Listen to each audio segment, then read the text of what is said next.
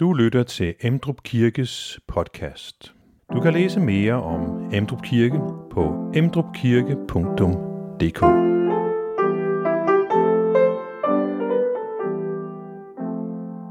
Så er vi kommet til, til den tredje øh, af de her samlinger, og, øh, og temaet er jo så kærlighed. Jeg startede med at, i den første time ligesom at, at vise, hvordan Paulus han er optaget af det her i sine bønder for, øh, for de troende menigheder rundt omkring, og jeg vil bare lyst til at minde om det igen, øh, at det her med, med den kærlighed, som, øh, som er i menigheden, den, det, det er det tredje ben. Og øh, han skriver sådan her til Thessalonikerne, vi så det også til at begynde med. Vi takker altid Gud for jer alle, når vi nævner jer i vores bønder, og uophørligt over for vor Gud og Far mindes jeres gerninger i troen, det har vi haft om, og så kommer det, jeres arbejde i kærligheden, og jeres udholdenhed i håbet til vor Herre Jesus Kristus, det havde vi så før. Så nu er vi altså kommet til, øh, til det tredje ben, den, øh, den, det, det sidste hjørne i trekanten i den robuste kristendom. Og øhm, jeg prøver at udfolde det lidt. Jeg vil lave en hovedvægt på, på 1. Korintherbrev kapitel 13, kærlighedens højsang, men vil også inddrage nogle, nogle andre steder. Og så har jeg den her gang lagt øh, et par spørgsmål ind undervejs, hvor jeg tænker, man kan snakke lidt sammen der, hvor man sidder. Og så har jeg også øh, øh, formuleret tre spørgsmål til allersidst, som øh, vi kan overveje at tage dem fælles, eller vi kan gå i grupper, eller hvad det det bestemmer mødelederen. Jeg tænker også, der skal være lidt plads til bare til kommentarer. Det har jeg fundet ud af, at det er I ret gode til, det der med kommentarer. Ja.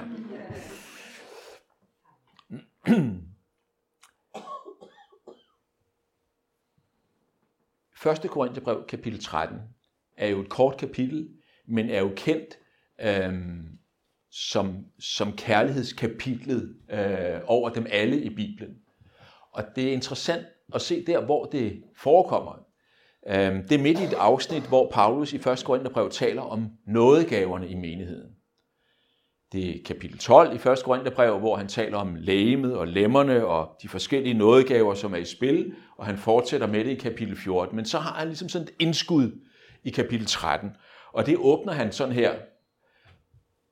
Men stræb efter de største nådegaver, og jeg vil også vise jer en langt bedre vej. En langt bedre vej. Og hvad er det for en vej? Hvad er det for en vej, som er langt bedre end at, øh, at øh, menigheden får udfoldet sine forskellige nådegaver, som læmet, sine lemmer, og det hele spiller sammen? Hvad er det, han, han drister sig til at kalde for en langt bedre vej? Det betyder jo ikke, det andet er betydningsløst. Vel? Og det kommer så umiddelbart efter.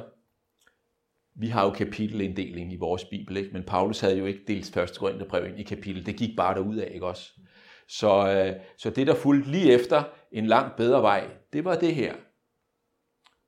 Om jeg så taler med mennesker så engles tunger, men ikke har kærlighed, er jeg et rungende malm og en klingende bjælle.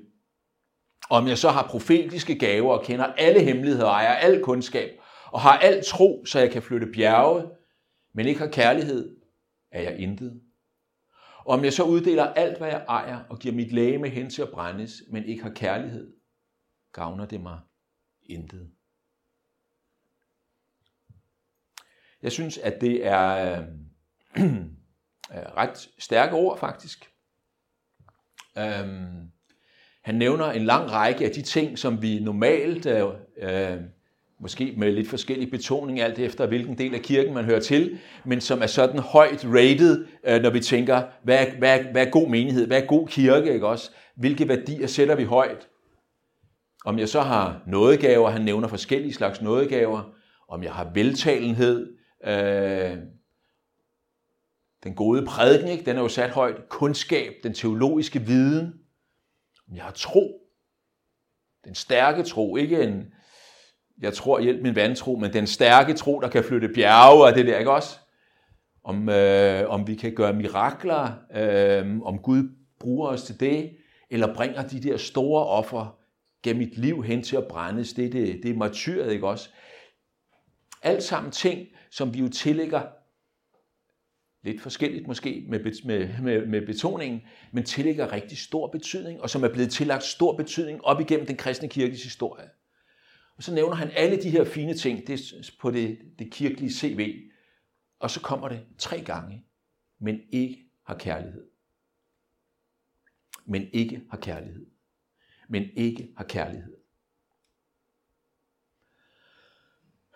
Det skræmmende ved det, synes jeg, er, at det faktisk åbenbart er en mulighed. Ikke?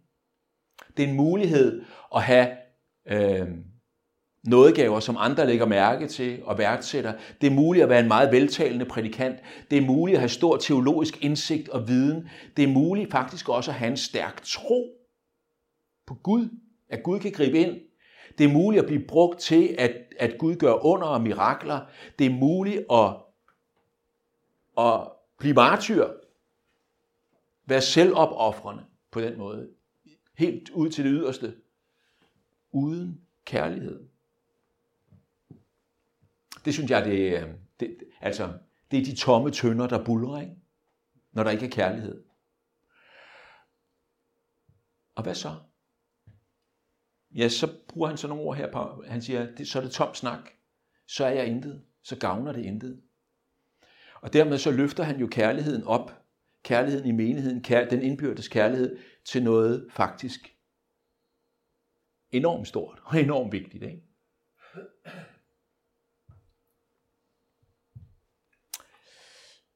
Man kan godt overveje, hvad giver, hvad giver kærligheden? Vi er inde i den her treklang med tro, håb og kærlighed. Hvad er det, kærligheden giver til, at den her trekant bliver stærk og robust?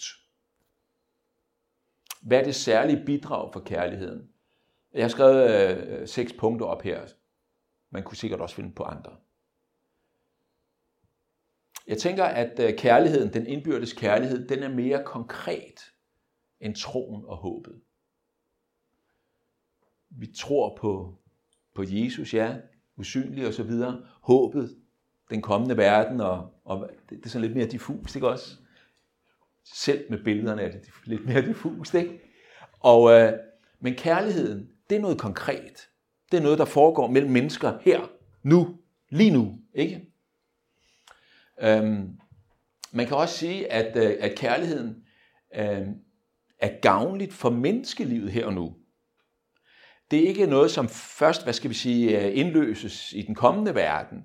Det er her og nu, at der er nogen, der har gavn og glæde af kærligheden mellem mennesker.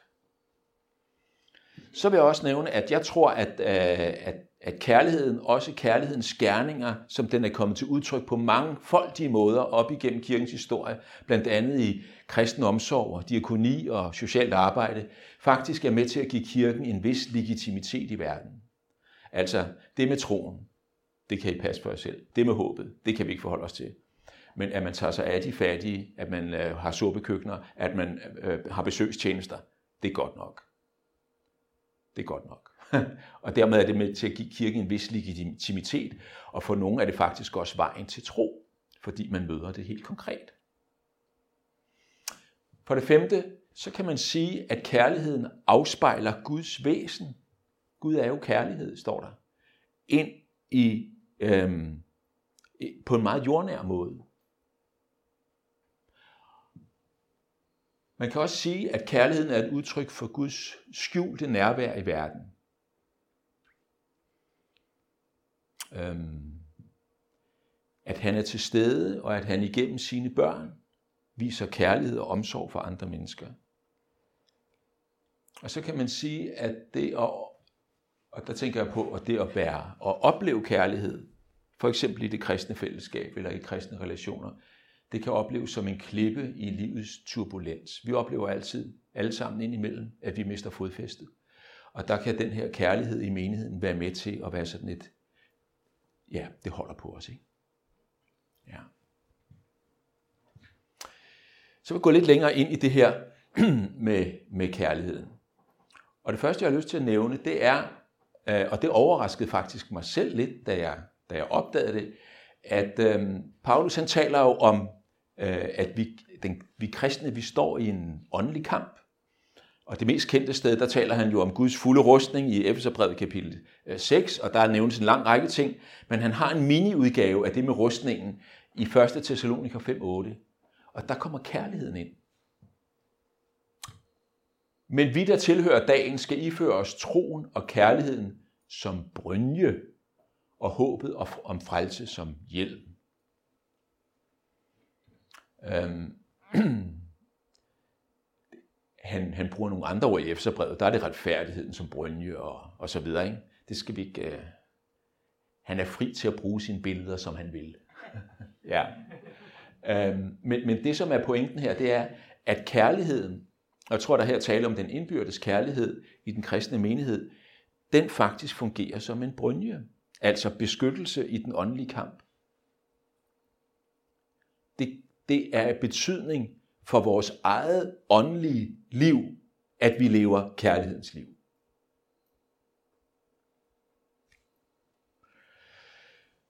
Ja.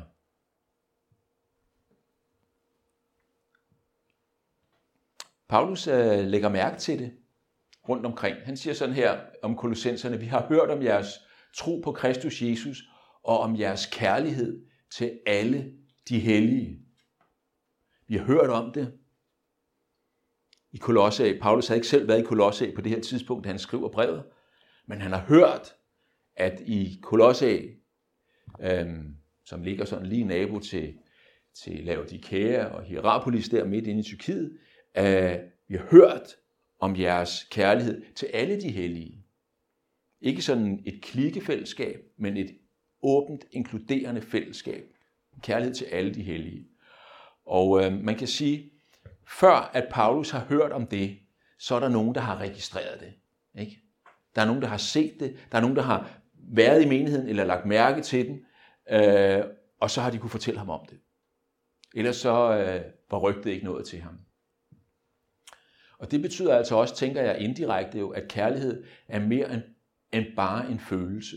Det er svært at se en følelse hos andre. Man kan måske mærke den hos sig selv, men det er svært at se den hos andre.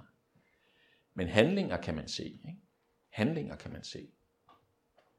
Så når rygtet om menigheden i, om kærligheden i menigheden i Kolosse, som ligesom øh, rummer, rækker ud til alle de hellige, det vil sige alle de, de kristne i området, øh, så er det fordi, den er blevet registreret. Den er blevet hørt, den er blevet set, den er blevet sanset på en eller anden måde. Det er ikke bare blevet til sådan en glad følelse for de andre herinde i i en eller anden. Det her med, at kærligheden er en, er en fælles ting i menigheden, det, øh, det udtrykker Paulus øh, også i Efeserbrevet kapitel 3. Han siger sådan her, øh, det er også et udtryk for, at han, han beder om det, og så siger han, at Kristus ved troen må bo i jeres hjerter, og I være rodfæstet og grundfæstet i kærlighed. Der har vi det igen. Så er de, og så kommer det, sammen med alle de hellige, det vil sige med de andre kristne, for styrke til at fatte, hvor stor bredden og længden og højden og dybden er, og til at kende Kristi kærlighed, som overgår al erkendelse så I fyldes til hele Guds fylde nås. Jeg tænker, at det vi møder her, det er, en, at vi i det kristne fællesskab har en, er på en fælles vandring. Og vi er på en vandring i, i Guds kærlighed. Rodfæstet og grundfæstet i kærlighed. Men det er altså noget, vi gør sammen. Sammen med de hellige erkender Kristi kærlighed. Så man kan sige, den indbyrdes kærlighed hænger sammen med en fælles vandring i Guds kærlighed, erkendelse af Guds kærlighed. Der er noget fælles i det. Det at være i, i, leve i kærlighedens rum, lader sig ikke gøre i, som eneboer. Vi er fælles om det. Og øh, nu kunne jeg så godt tænke mig, at det er så første gang, at I lige stikker hovederne sammen der, hvor I sidder. 3 og 3, 4, 4, som det lige passer. Og så overvejer, hvilken betydning oplever I, der mangler der I, der rød ud, at fællesskabet har for at kende Jesu kærlighed. Jeg skal nok få sat det i. Øhm, hvilken, stik lige hovederne sammen. og så, øh, altså, Paulus lægger jo op til, at der er noget, vi fatter sammen, ikke også? Og nu spørger jeg så, hvordan oplever I det med at fatte Jesu kærlighed sammen? Har I oplevet det, eller har I ikke? Eller et sted midt imellem? Ja, værsgo. Vi tager lige nogle minutter med det.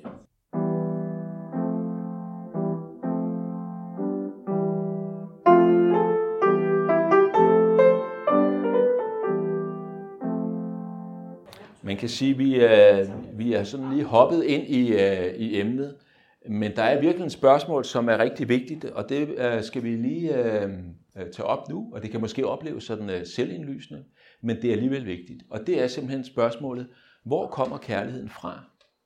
Hvor kommer kærligheden fra? Øhm, og øh, hvis vi går til Nyt Testamentet, så er svaret ret tydeligt, og jeg har øh, lige hævet seks øh, steder frem her, bare sådan for, at vi lige skal få det øh, sådan lidt, måske lidt massivt. Johannes skriver i sit første brev, Gud er kærlighed. Gud er kærlighed. Og øh, vi har haft det tidligere fra Johannes 3:16 om øh, at således elskede Gud verden, at han gav sin søn. Gud elskede verden, og verden er jo i den sammenhæng måde Johannes på faktisk menneskene i deres oprør mod Gud. Så det er faktisk, at Gud elsker sine fjender, kunne man godt sige. Senere i Johannes evangeliet, den sidste aften, der står der om Jesus, at han elskede sine disciple til det sidste. Og lidt senere, samme aften i kapitel 15, der står der, at ingen har større kærlighed end den at sætte livet til for sine venner. Det siger Jesus. Og så gjorde han det dagen efter. Tilbage til 1. Johannes brev, der skriver Johannes, deri består kærligheden, ikke i at vi har elsket Gud, men i at han har elsket os og sendt sin søn som et sonoffer for vores sønder. Og lidt senere, vi elsker, fordi han elskede os først.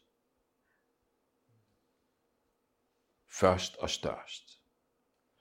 Og øh, det betyder altså, at hvis vi skal forstå det her rigtigt, den tredje, det tredje ben i den robuste kristendoms taburet, så skal vi have det her på plads. Kærlighedens udspring, det er hos Gud. Kærligheden begynder hos Jesus selv.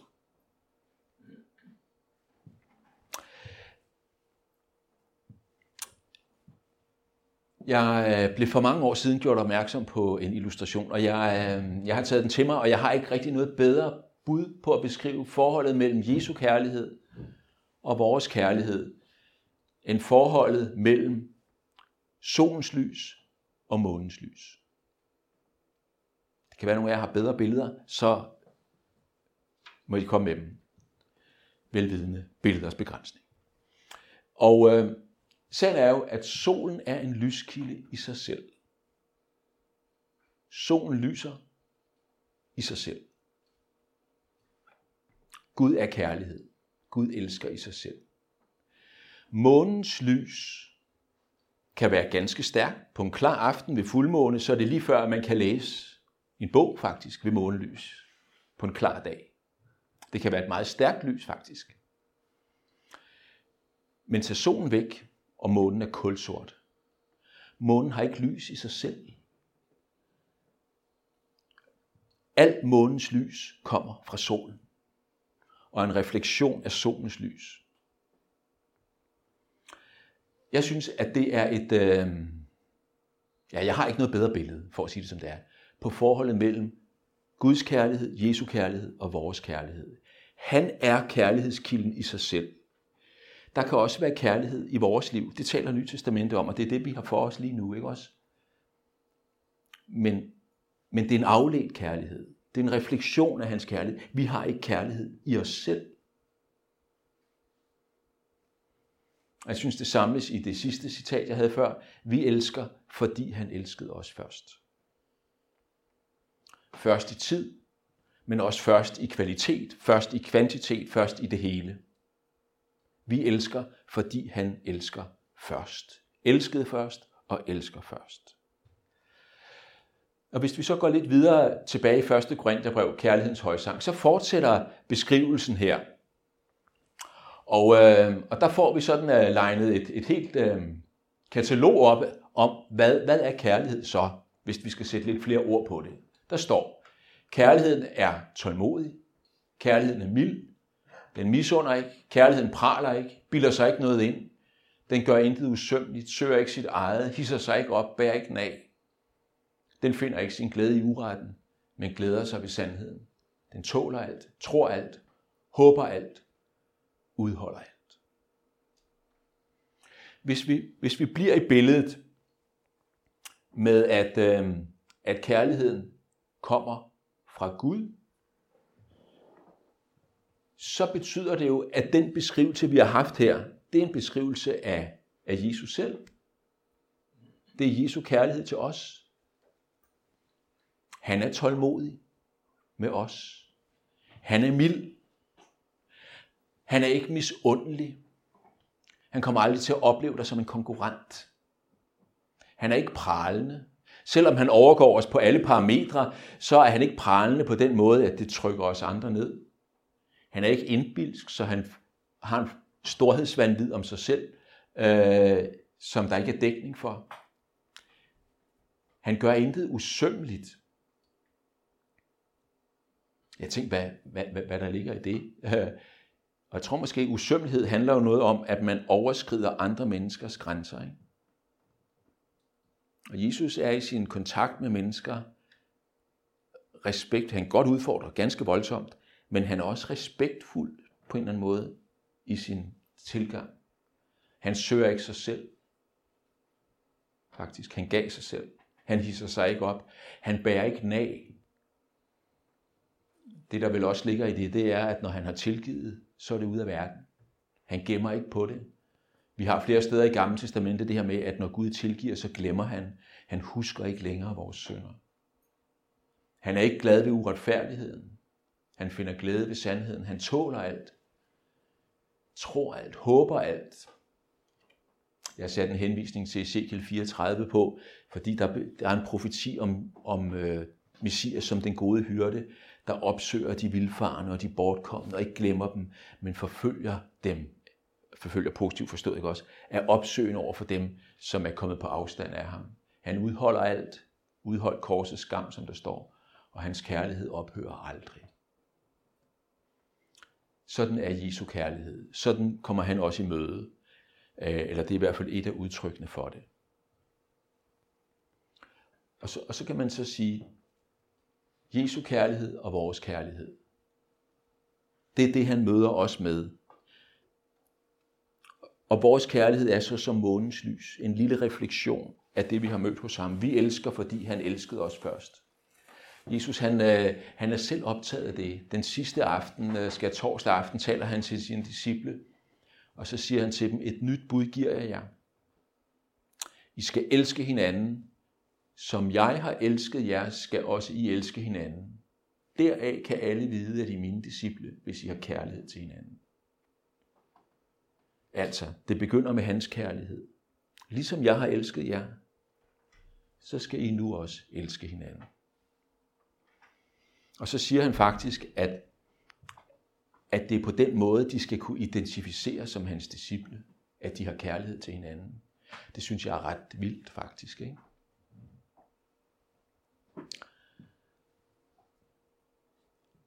Altså, vi identificerer folk øh, for hvilken tro de har, og, og sådan ofte ud fra nogle synlige øh, udtryk. Hvis man, hvis man ser en, øh, en sortklædt herre øh, med hat og slangekrøller foran ørerne, så tænker man, han er jøde, ikke også? Så får vi identificeret ham på den måde. Hvis vi ser en gå rundt med en, øh, med en turban, så tænker vi, han er sik.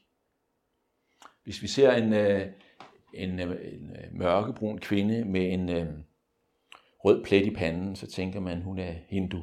Ikke?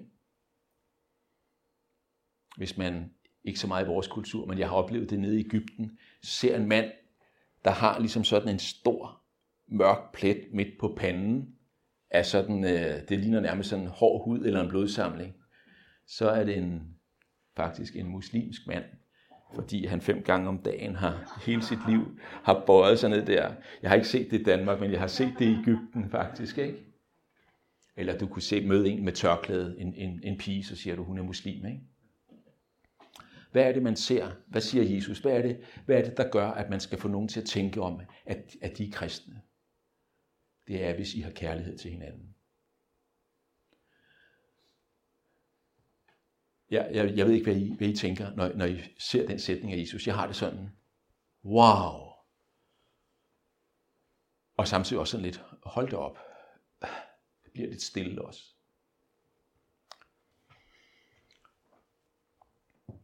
Men altså, vores kærlighed til hinanden er så også beskrevet med de samme ord faktisk. At være en afglans af Jesu kærlighed i de relationer, vi er i, og i det kristne fællesskab, det er at vise tålmodighed. Det er at udvise mildhed. Det er ikke at være misundelig på de andre, når det går dem godt. Det er ikke at være pralende, så de andre trykkes ned. Det er ikke at være indbilsk. I Romerbrevet 12, der står der, have ikke højere tanker om sig selv, end I bør have. Det betyder heller ikke, at man skal have ringe tanker om sig selv. Man skal bare have de tanker, man bør have. Det er ikke at gøre noget usømmeligt over for andre, respektere deres grænser. Det er ikke at søge sig selv, ikke at hisse sig op, ikke at bære nag. Det kan faktisk være en udfordring i nogle kristne fællesskaber. Det er ikke at være glad ved uretfærdighed, fordi det gavner mig selv måske. Det er at være glad ved sandheden. Det er at tåle alt, tro alt, håbe alt. Kærlighed og håb hører sammen faktisk. Også for konkrete mennesker. Udholde alt. Og så er det en kærlighed, der aldrig ophører.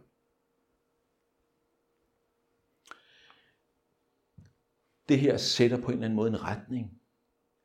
Øhm, og en, et, et positivt incitament, kan man sige. Men selvfølgelig også en udfordring. Og nu øh, kunne jeg godt tænke mig, at vi skulle snakke sammen igen. Og øh, det er de samme grupper. Og spørgsmålet er den her gang, hvilke ting fra den her liste synes... Og det er fordi, jeg har lavet om på teksten. Hvilke ting på den her liste synes du er særlig svær, og hvilke har du det mindre svært med?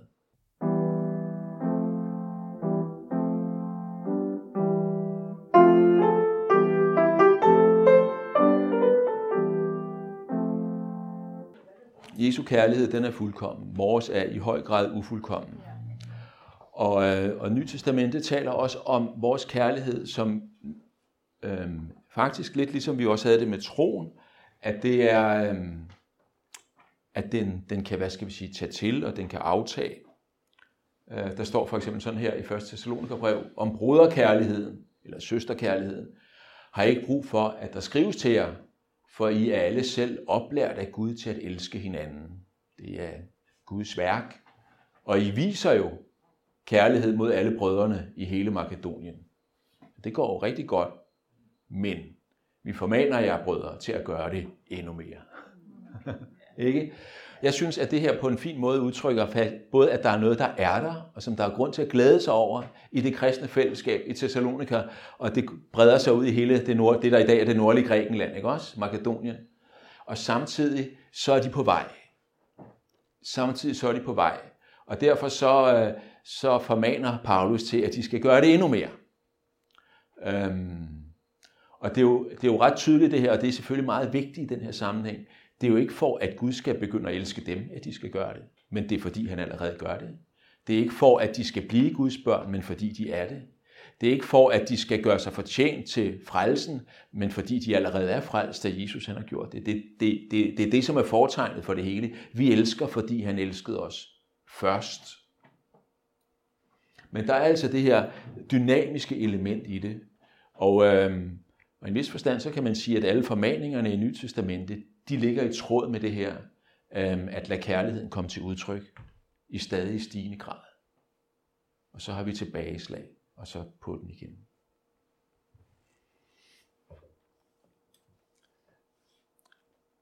Står der øhm, i det næste afsnit, som vi skal læse øh, lige om lidt, der står der, at kærligheden ophører aldrig. Kærligheden ophører aldrig. Paulus skriver det på den her måde. Kærligheden hører aldrig op. Profetiske gaver, de skal forgå. Tungetale, den skal forstumme, og kundskab, den skal forgå. For vi erkender stykkevis, og vi profeterer stykkevis. Men når det fuldkommende kommer, skal det stykkevise forgå. Da jeg var barn, talte jeg som et barn, forstod jeg som et barn, tænkte jeg som et barn. Men da jeg blev voksen, aflagde jeg det barnlige. Endnu ser vi et spejl i en gåde, men der skal vi se ansigt til ansigt. Nu erkender vi stykkevis, men der skal jeg kende fuldt ud, ligesom jeg selv er kendt fuldt ud. Kærligheden ophører aldrig, stort set i modsætning til det meste af det andet, han nævner her. Der er noget, der er midlertidigt. Der er noget, der er midlertidigt i den kristne menighed. Der er noget, der er midlertidigt i, den kristne, i det kristne liv. Nådegaverne har sin tid. Vores stykkevise stykkevis erkendelse, det at vi ikke her som mennesker kan rumme og forstå Gud og hans plan og hans vilje helt ud, det har sin tid. Den stykkevise profeti, det vil sige den begrænsede forkyndelse, kunne man måske sige, som vi er underlagt nu. Det barnlige perspektiv på Gud. Her tænker jeg ikke på den barnlige tillid, men på den barnlige forståelse.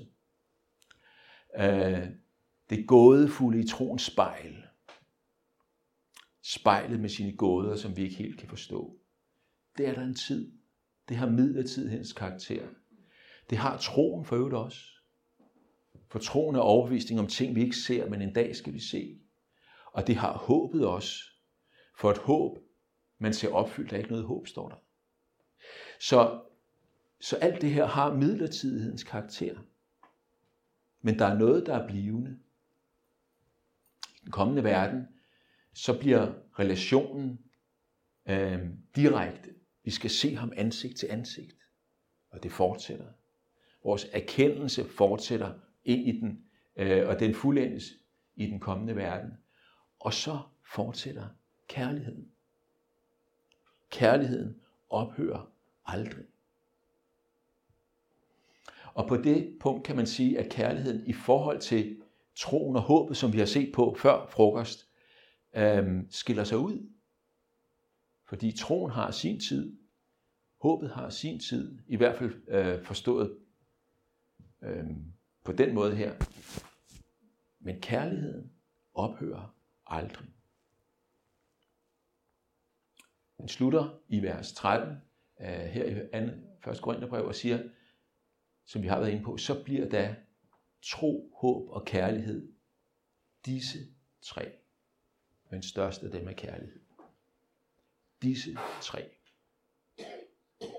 Det jeg har forsøgt at, at vise i, øh, i de her to, tre bibeltimer, det er, øhm, at der er en treklang, som vi møder øh, ret tydeligt i det nye testamente, som handler om tro og håb og kærlighed, og at de tre til sammen bliver en robust kristendom.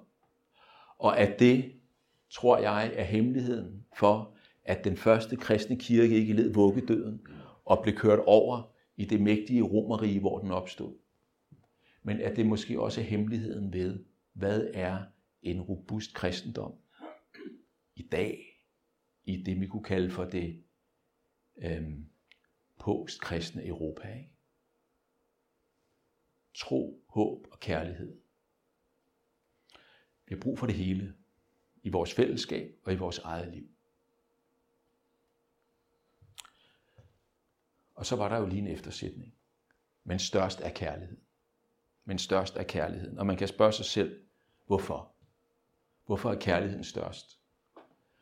Og øhm, som I kan se, så, så giver jeg tre bud på det. Men måske er der flere.